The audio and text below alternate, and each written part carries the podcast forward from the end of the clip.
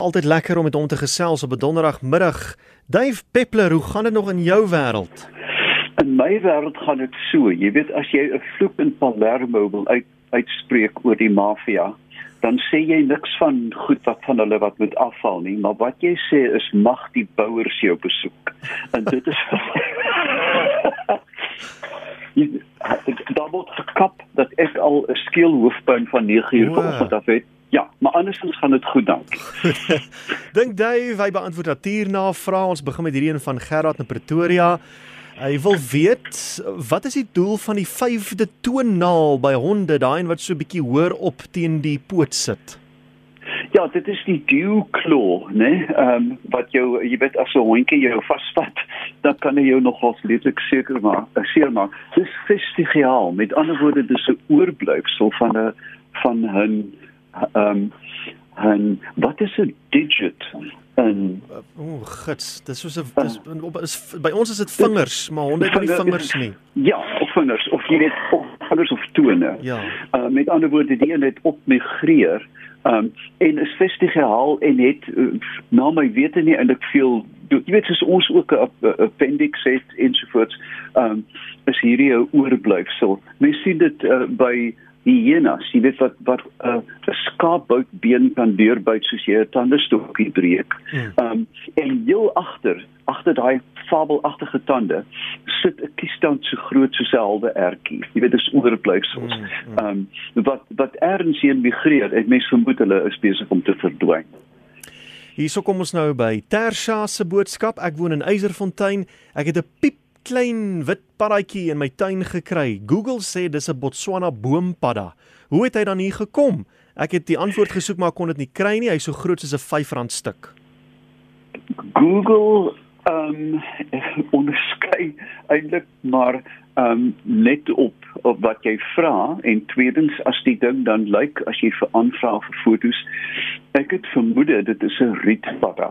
Nou die rietpaddas is klein ehm um, van hulle word staan bekend as die arem uh die varkblompaddaatjie um en hulle het 'n verstommende verskeidenheid kleure vorme party is gespikkel party is spierwit party is wit en rooi so my uh, ek dink nie dis Botswana padda wat hier geland het nie um veral nie met covid nie maar ek ek vermoed dis 'n rietpaddaatjie hmm. Kom ons uh, kyk nou hierdie een van Helmut in Dwarskersbos. Is dit waar dat kokkies knoppe op hulle bene kry as mense hulle kaas voer? Nee, ek ek dink die ding het begin met uh, die deesdae algemene verskynsel van van koeties wat met horrelpoetjies loop. Jy weet hulle jy sien dit in parkeerplekke. Hoekom is hulle in parkeerplekke? Want hulle vreet insekte en dan is hulle geneig om aan die aan die aan die verkoelingsrooster van motors pik hulle die ehm um, gestorwe liggaampies van motte en en ander insekte daaruit dan kry hulle 'n um, 'n myt infeksie. Nou myte is verwant aan spinnekoppe. Ehm um, miskryf flivial myte in die grond en hierdie infeksie uh, veroorsaak dan die die, die swelling en met die tyd val die die toentjies dan af. Daar is 'n soortgelyke ehm um, infeksie in hoenders wat uh, die pragtige boerenaam van boetson B O B O E T S O en dit is eintlik net 'n verbringing van boots on want dit lyk of hulle oh. stewels aan dit as hulle die infeksie het. So dis 'n ja, dis 'n ek dink tog dat 'n mens met versigtig voer met kaas want dit is 'n ontsaglik gekonsentreerde voedselvorm en jy kan dalk 'n maagwerk of 'n ding oploop sit. So uh, ek weet dat hoe luifluisters en en veral Jan Frederik is baie lief vir kaas, maar moenie oorvoer nie. Hmm. Ons bly in die strand. Ons het 'n avokado boom van 'n put geplant ongeveer 15 jaar gelede. In al hierdie tyd het hy nog letterlik een vrug gedra. Wat sou die rede wees? Ooh, ek moet my stetoskoop uithaal. Ehm um, kyk, avokados wil in die eerste plek wil in die eerste plek ehm um, grond hê met 'n neutrale pH. Met ander woorde 7. As ek nou dink aan die strand staan daai avokado in diep diep sand. Met ander woorde die grond is suur. Ek kan die luisteraar byna verseker dat indien jy dan die ehm um, pH van die grond reguleer en dit terugbring na om en by 7 en veral 'n supplement van sink bysit, dan kan binne volgende jaar gaan hy begin vrugte dra. Ehm um, Ek mag verkeerd wees, maar ek dink die boom ly aan suurgrondvergiftiging waar hulle eintlik aangepas is om 'n neutrale grond te groei. So, 'n uh, 'n mollem met ander woorde 'n deklaag van organiese materiaal, die regte voeding, ook 'n bietjie stikstof en natuurlik sand is baie arm aan stikstof want dit was gedurig uit met die reën. Hmm. So pas die die grond gee mee aan na 'n neutrale pH gee 'n bietjie sink en nie soos my oupa boy van Robertson wat spykers in die boom ingekap het nie want gesê het avokados hou van yster nie. Dit gaan nie werk nie. Wel dit gaan ten minste help dat jy die boom kan klim as daar 'n klomp lekker staalspykers in nie. ja, tot jy val. Ek woon in Hanesburg in Limpopo. Groot las van eystervarke wat my tuin verwoes. Die olifantsore, varkore, daar's niks oor nie. Alles is opgegrou. Die elektriese heining hou hulle nie eens uit nie. Wat kan ek doen?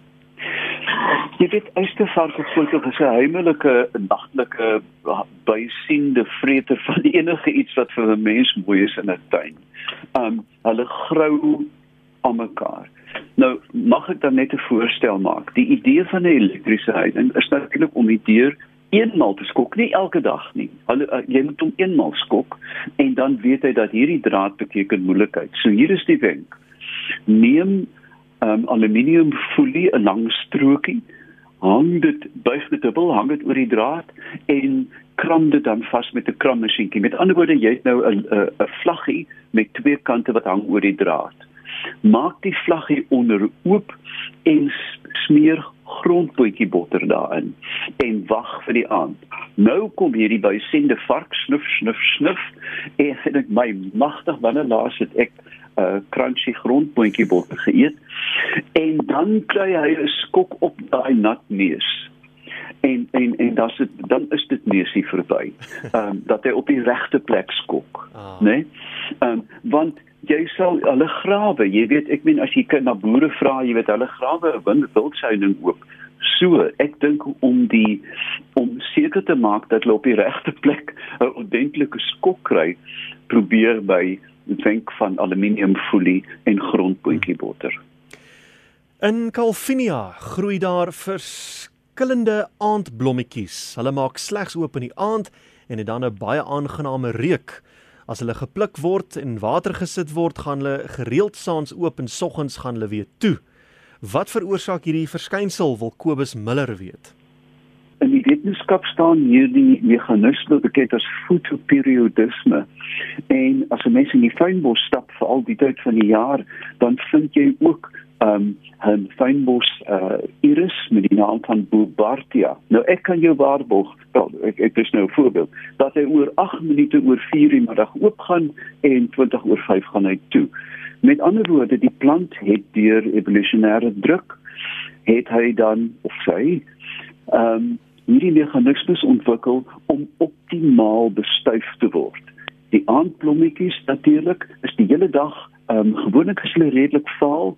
Ehm um, mens kry Pelargonium truste die ehm um, kaneelblom byvoorbeeld asfaal en in die aand is dit 'n wonderwerk. Dit letterlik na donker skakel hy aan, die geur kom uit en dan is daar 'n baie baie spesifieke insek, gewoonlik 'n mot wat dan aangetrokke is tot hierdie spesifieke reuk en dan die plant bevrug. So dit is eenvoudig 'n optimale bevrugtingsstrategie. Debbie van Vieren, sy sê ons bly langs 'n dam, dis net so buite Rustenburg. Die paddas kwak verskriklik. Ons het nog geen reën gehad nie. Beteken dit die goeie reën is op pad? Ek het geen twyfel daarin nie. Nou paddas is wonderbaarlike voorstellers. Ehm um, uh, ons het 'n hele aantal vyf dink ek sogenaamde reënpaddas van die genus Brevicheps en hulle het hierdie lieflike kroep kroep kroep roep um, 'n dag en 'n half voor dit reën. Um vir ander paddas wat nou nie uh, die reënpadda status het nie, is gewoonlik baie fyn ingestel op lugdruk en ook op temperatuur en as die kombinasie van 'n dalende ligte of byvoorbeeld opstygend as daar 'n front aan die kom is, dan begin hulle aktief word en begin roep. So ek gaan waag om te sê dis 'n baie goeie teken en kanse is goed op reën. Nou ja, dis ook dan al waarvoor ons tyd het. Dave, weer eens baie dankie. En vertel ons gou weer van daai blink splinte nuwe webwerf van jou. O ja, dit is um, ek ek ek ek puts nog aan die ding, dit is sterkpeppler.com, nie meer .co.za nie. En ehm um, luisteraars kan geryk gerus gaan kyk. Ek probeer dit suiwer wetenskaplik en professioneel hou in teenstelling met Facebook wat net maar 'n bietjie kletserig is. Ja. En hier kan hulle vrae vra en ek sal dit so gou as moontlik beantwoord. Dave Peppler, altyd baie lekker om met jou te gesels. Ons maak volgende week weer so.